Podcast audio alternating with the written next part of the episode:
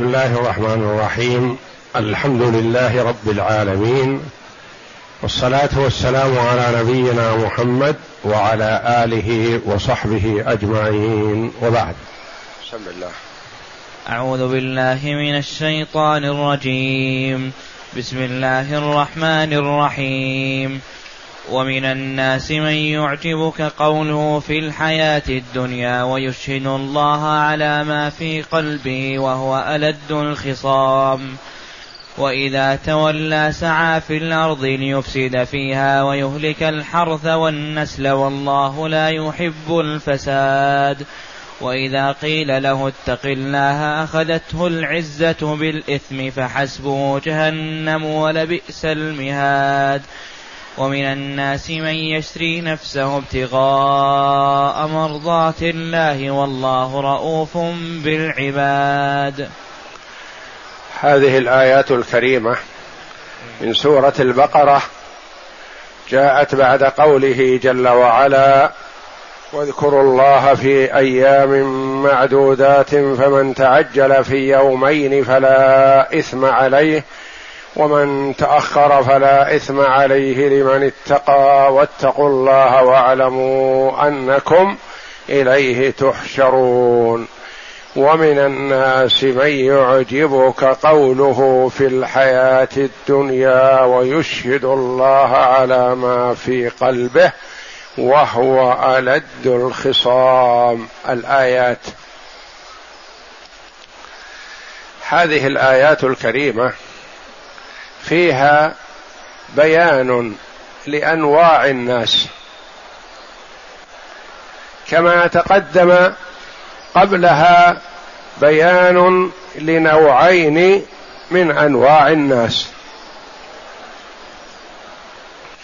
فمن الناس من يقول ربنا اتنا في الدنيا وما له في الاخره من خلق ومنهم من يقول ربنا آتنا في الدنيا حسنة وفي الآخرة حسنة وقنا عذاب النار هناك نوعان نوع همهم الدنيا فقط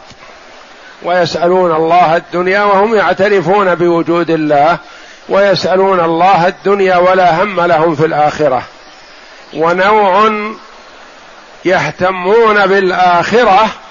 ولم ينسوا نصيبهم من الدنيا ومنهم من يقول ربنا آتنا في الدنيا حسنة وفي الآخرة حسنة وقنا عذاب النار فيسألون الله حسنة الدنيا وحسنة الآخرة ويستعينون بحسنة الدنيا على ما يستجلب لهم ويسبب لهم حسنة الآخرة وهنا قال جل وعلا ومن الناس من يعجبك قوله في الحياه الدنيا ويشهد الله على ما في قلبه وهو ألد الخصام ومن الناس من يشري نفسه ابتغاء مرضات الله شتان بين الفريقين بينهما ابعد مما بين المشرق والمغرب ومن الناس من يعجبك قوله في الحياه الدنيا اذا سمعته اعجبت به اذا سمعته قلت هذا الرجل الصالح هذا التقي هذا المؤمن بالله لسانه حلو وكلامه عذب وقلبه قلب الذئب من يعجبك يعني تتعجب منه ويروق لك وتستحسنه قوله في الحياة الدنيا يعني كلامه إذا سمعته أعجبك و حملته على المحمل الحسن واحببته لكلامه لكنه الواقع بخلاف ذلك ويشهد الله على ما في قلبه المفسرين رحمهم الله في هذه الكلمه العظيمه قولان ويشهد الله على ما في قلبه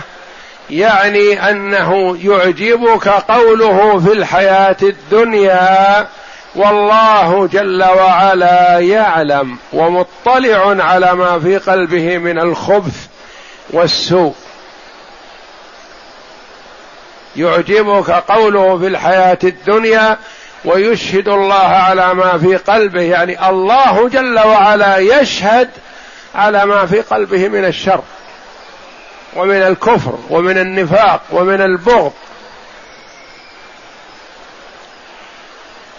ويشهد الله على ما في قلبه القول الاخر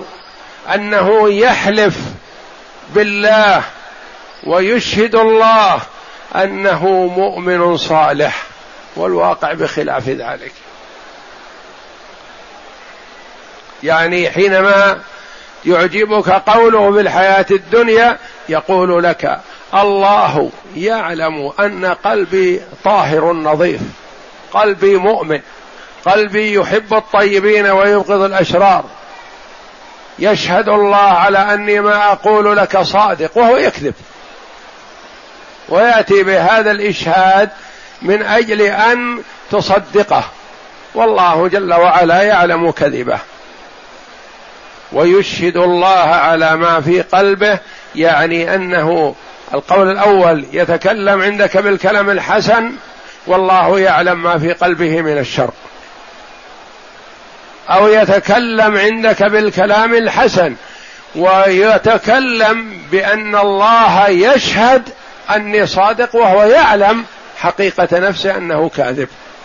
والله جل وعلا يمهله ولا يهمله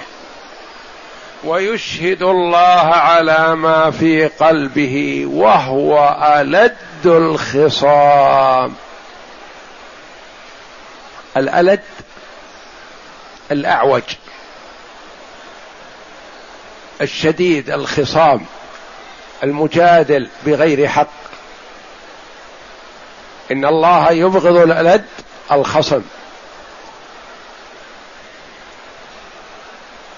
والمنافق من صفاته ثلاث واذا خاصم فجر يكذب ويحلف ويتظاهر بانه صادق وانه مؤمن وانه كذا وليس كذلك وهو الد الخصام يعني شديد الخصام اعوج في خصامه يعني يحلف وياتي بكلام يظن انه صادق فيه وليس كذلك اذا خاصم ياتي بكلام يظن انه فيه صادق وكما قال النبي صلى الله عليه وسلم ولعل بعضكم يكون الحن بحجته من بعض فاحسب انه صادق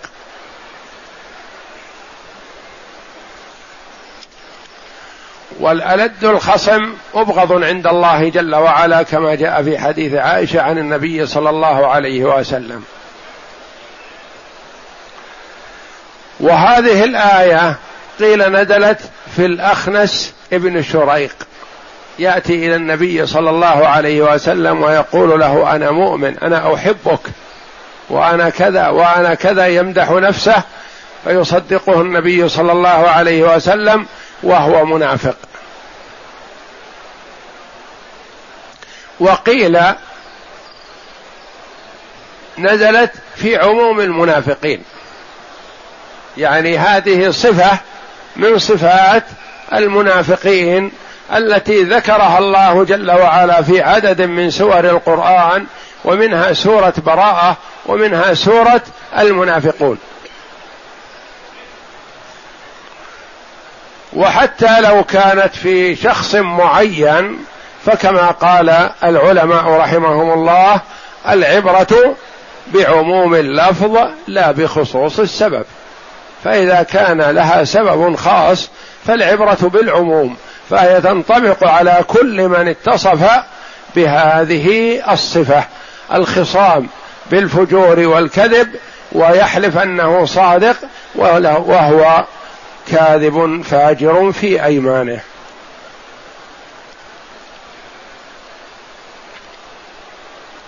واذا تولى ذهب سعى في الارض ليفسد فيها السعي يطلق على العزم والتوجه ويطلق على السعي والحركه بسرعه سعى النبي صلى الله عليه وسلم سعيا شديدا يعني اسرع والله جل وعلا يقول يا ايها الذين امنوا اذا نودي للصلاه من يوم الجمعه فاسعوا الى ذكر الله ليس المراد به الركض والاسراع بسرعه وانما توجهوا فيطلق السعي بمعنى التوجه الى الشيء والعزم ويطلق على السعي بسرعه وركض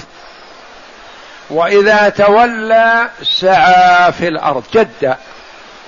واجتهد في الارض ليفسد فيها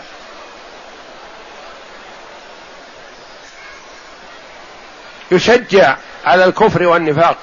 ويدعو اليه ويرغب فيه ويخذل عن الايمان ويصد الناس عن الايمان بالله ورسله ليفسد فيها ويهلك الحرث والنسل المراد بالحرث هنا الزرع والنسل النتاج سواء كان من الآدميات أو من البهائم يهلك الحرث والنسل بماذا قيل بأنه يسعى إلى الإفساد أي نوع من أنواع الإفساد يسارع إليه وقيل يهلك الحرث والنسل بنشر المعاصي والاكثار منها لان المعاصي سبب لهلاك الحرث والنسل فما فسد زرع الا بسبب معصيه بني ادم ويهلك الحرث والنسل والله لا يحب الفساد الله جل وعلا يحب المتقين ويحب التوابين ويحب المتطهرين ولا يحب الفساد فالفساد وما فيه ضرر وما فيه هلاك وما فيه اذى للناس الله لا يحبه والله ان الله لا يصلح عمل المفسدين فالله جل وعلا موصوف بالمحبه على ما يليق بجلاله وعظمته كما انه موصوف بالغضب موصوف بالرضا وعدم الرضا موصوف بالمحبه وعدم المحبه فهو يحب اولياءه ويبغض اعداءه يحب المؤمنين ويبغض الكافرين ولا يحب المنافقين والله لا يحب الفساد واذا قيل له اتق الله هذا ليس بكافر لان الكافر ما يقال له اتق الله يقال امن بالله واسلم هذا يتظاهر بالاسلام لكنه يظهر للمسلمين المحبه ويبطن لهم العداوه ومثل هذا لا بد ان يطلع عليه يعلم عنه من حوله ومن حوله قد يكون فيهم المؤمن التقي كما انه يكون من ابناء المنافقين صلحا كما تقدم لنا عن عبد الله بن ابي بن سلول راس المنافقين وابنه عبد الله بن عبد الله بن ابي بن سلول من خيار المؤمنين وهو الذي عرض على النبي صلى الله عليه وسلم ان يقتل اباه قال وتحب ذلك قال ويعلم اهل المدينه ما فيهم ولد اضر بابيه مني بابي لست بعاق ولا كاره لابي لكن لما رايت منه من عداوه رسول الله صلى الله عليه وسلم خشيت ان تامر احدا من المسلمين بقتله فتاخذني الغيره والحميه فأقتل قاتل أبي فأكون قتلت مسلما بمنافق أو كافر أخبره النبي صلى الله عليه وسلم أنه ينتظر به لعل الله أن يصلحه فيوجد في المنافقين من من أبنائه وإخوانه من الصلحة فإذا قيل له اتق الله يعني قال له أحد مجالسيه او من حوله او من يعرف حقيقه امره يقول له اتق الله لا تهزأ لا تسخر بالنبي صلى الله عليه وسلم لا تسخر بالمؤمنين لا تظهر خلاف ما تبطن احسن سريرتك اجعل سريرتك كظاهرك اتق الله اخذته العزه بالاثم تصلب وتقوى واعتز وانتخى بغير حق لان العزه قد تكون محموده وقد تكون مذمومه أعزة على المؤمن أذل أعز أذلة على المؤمنين أعزة على الكافرين صفة المؤمنين فالمؤمن يكون عزيز قوي ولا يلين ولا يخضع ولا يتواضع ولا يتنازل للكافرين والفجره ويكون في مع اخوانه المؤمنين ذليل متذلل متواضع وهذا اخذته العزه لا بال بالخير والطيب والحسن وانما اخذته العزه بالاثم تجبر وزاد شره واظهر قوته وانه هو الذي على الحق ومن سواه على الباطل واذا قيل له اتق الله اخذته العزه بالاثم فحسبه جهنم والعياذ بالله حسبه كافيه يعني جزاؤه ماواه مصيره ماله الى اين الى جهنم والعياذ بالله هذا كثير من المنافقين يظهرون الايمان ويظهرون الاسلام وموده المؤمنين وهم غششه فجره يودون الاضرار بالمؤمنين فحسبه جهنم ولبئس المهاد بئس شر المهاد والمهاد المهد يعني ان جهنم تكون عليه بمثابه المهد للصبي المهد للصبي الذي يلف فيه يعني ان جهنم تحيط به والعياذ بالله من جميع جوانبه لا من جهه فقط ولا من جهتين وانما تحيط به وتكون في ويكون فيها كال الصبي في المهد ولبئس المهاد واذا ذكر الله جل وعلا حال الفجره ذكر الاخيار بعد ذلك وكثيرا ما يذكر جل وعلا اهل الجنه ثم يذكر اهل النار يذكر المؤمنين ثم يذكر الكافرين يذكر المنافقين ثم يذكر المؤمنين ليقارن المرء ولينظر بعين البصيره وليتامل لا يخلو إما أن يكون من هؤلاء أو من هؤلاء فقال تعالى ومن الناس من يشري نفسه ابتغاء مرضات الله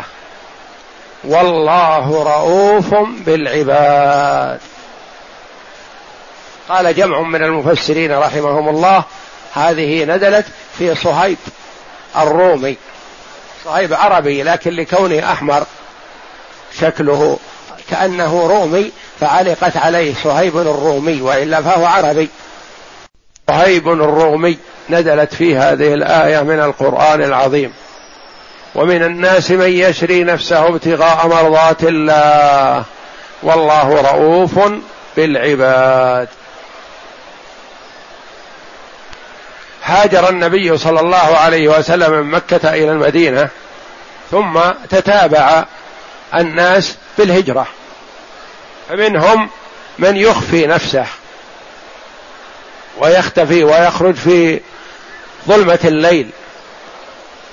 أو يختفي في مكان ما كما فعل النبي صلى الله عليه وسلم حتى لا يعلم عنه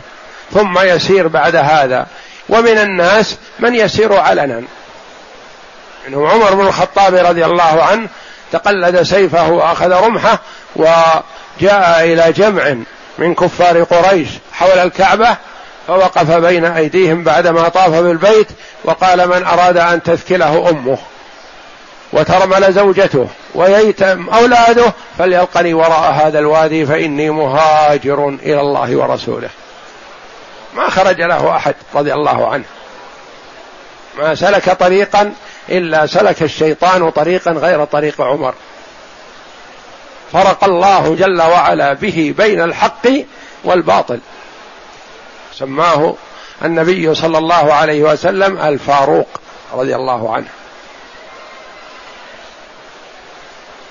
صهيب لما اراد ان يهاجر علم عنه كفار قريش فوقفوا له في الطريق فقالوا اتيتنا فقير والله لا ندعك ترزأنا في نفسك ومالك تذهب بنفسك وتذهب بمالك ومالك منين اكتسبته من عندنا قال رضي الله عنه أرأيتم إن تركت لكم مالي تتركونني أهاجر قالوا نعم لا حاجة لنا فيك إذا تركت لنا مالك فأعطاهم ماله رضي الله عنه ويروى انه وصفه لهم في المكان الذي هو فيه وعلموا انه لا يكذب فذهبوا فوجدوه فاخذوه واقتسموه وذهب للهجره بدون مال فسبقه القران الى النبي صلى الله عليه وسلم قبل ان يصل الى المدينه فيروى ان النبي صلى الله عليه وسلم لما نزلت عليه هذه الآية أخبر الصحابة رضي الله عنهم أن هذه في صهيب وأنه مهاجر وأنه في الطريق الآن فخرج عمر رضي الله عنه وبعض الصحابة يتلقونه في الحرة فلما أقبل قالوا ربح بيعك ربح بيعك قال أو ربحت تجارتك قال وأربح الله تجارتكم ما يدري عن شيء رضي الله عنه يعني دعوا له فدعا لهم ثم قال رضي الله عنه بعدما اجابهم على ما دعوا له به وما ذاك ما هو الشيء الذي حصل هم في المدينه والعمليه هذه جرت في مكه وما سبقه احد أو جاء أحد قبله إلى المدينة ليخبر قالوا نزل على النبي صلى الله عليه وسلم فيك قرآن فحمد الله ويروى أنه لما دخل إلى المسجد ليسلم على النبي صلى الله عليه وسلم قبل أن يصل إلى النبي ناداه النبي صلى الله عليه وسلم ربح البيع يا صهيب ربح البيع ثلاثة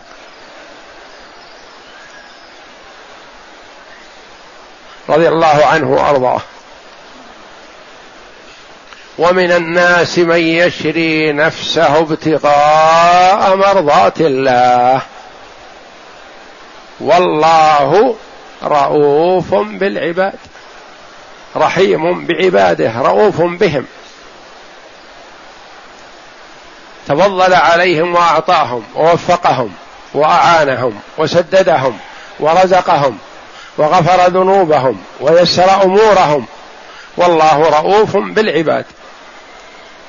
كثير من المفسرين رحمهم الله يقولون هذه الايه في صهيب وبعضهم يقول هي في كل من اتصف بهذه الصفه وحتى لو قيل ان سبب النزول صهيب فيقال كما تقدم العبرة بعموم اللفظ لا بخصوص السبب فمن انطبقت عليه هذه الصفة فهي فيه ومن الناس من يشري نفسه ابتغاء مرضات الله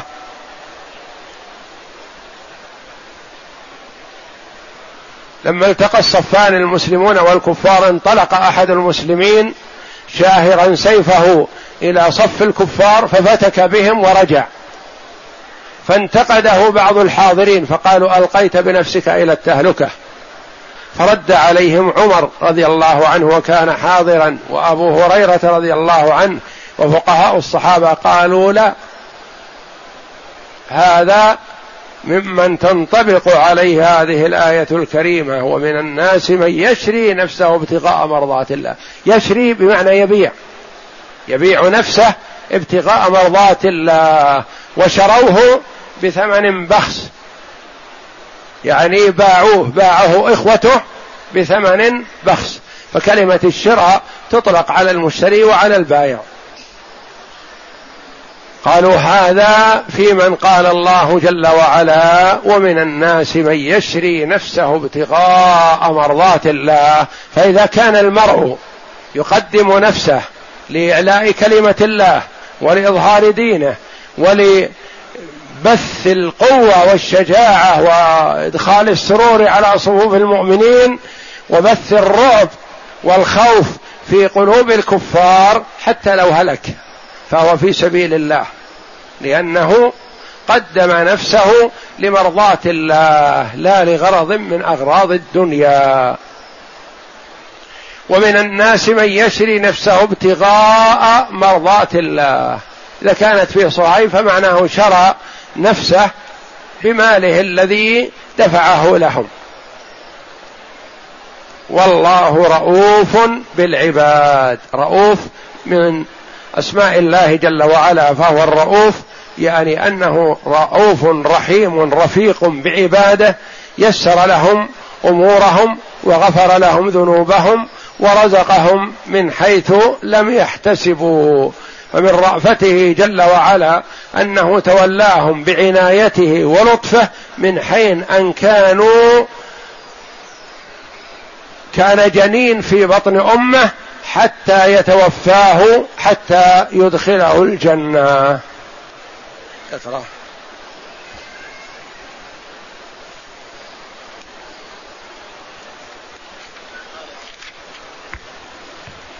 قال السدي نزلت في الأخنس بن شريق الثقفي جاء إلى رسول الله صلى الله عليه وسلم وأظهر الإسلام وفي باطنه خلاف ذلك وعن ابن عباس رضي الله عنهما انها نزلت في نفر من المنافقين تكلموا في خبيب واصحابه الذين قتلوا بالرجيع وعابوهم وقيل بل ذلك عام في المنافقين كلهم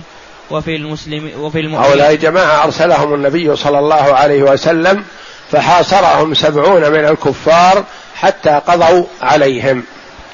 فقال المنافقون هؤلاء أهلكوا أنفسهم هؤلاء كذا هؤلاء كذا فأنزل الله جل وعلا ومن الناس من يشري نفسه ابتغاء مرضات الله والله رؤوف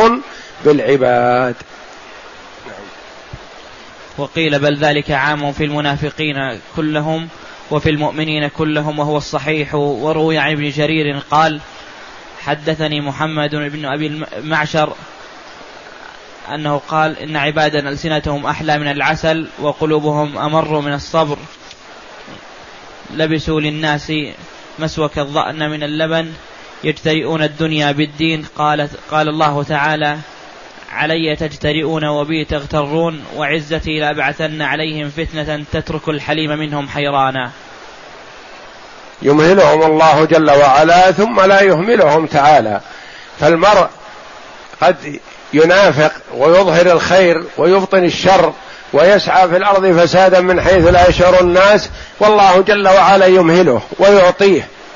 ويظن انه يمكر بالناس وانه اغلب منهم والله جل وعلا يمهله ومطلع على حاله فاذا اخذه اخذه اخذ عزيز مقتدر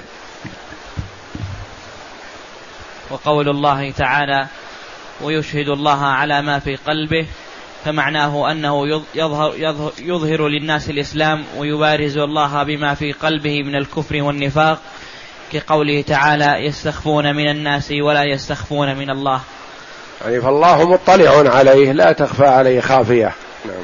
وقوله تعالى وهو ألد الخصام الألد في اللغة الأعوج وذلك مثل قوله تعالى وتنذر به قوما لدا أي عوجا وهكذا المنافق في حال خصومته يكذب ويزور عن الحق ولا يستقيم معه بل يفتري ويفجر كما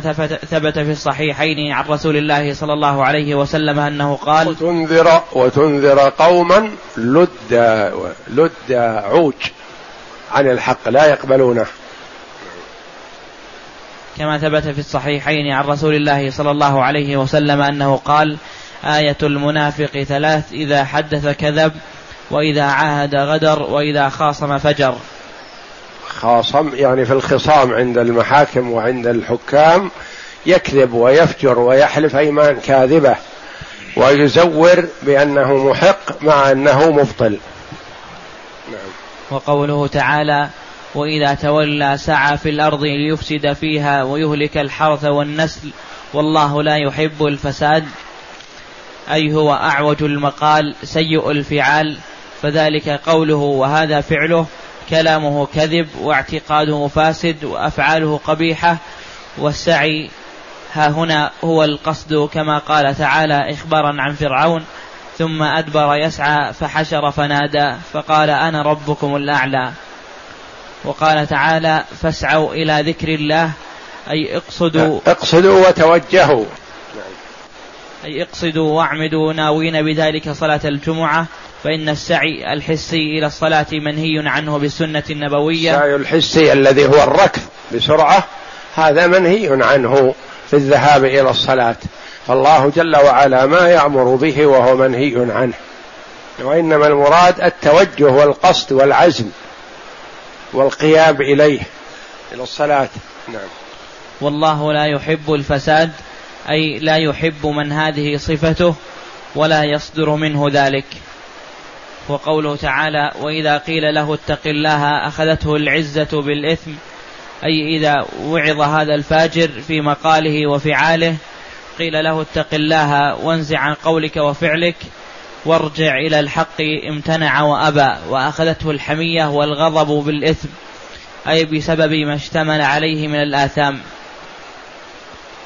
وقوله تعالى فحسبه جهنم ولبئس المهاد أي هي كافيته عقوبة في ذلك وقوله تعالى ومن الناس من يشري نفسه ابتغاء مرضات الله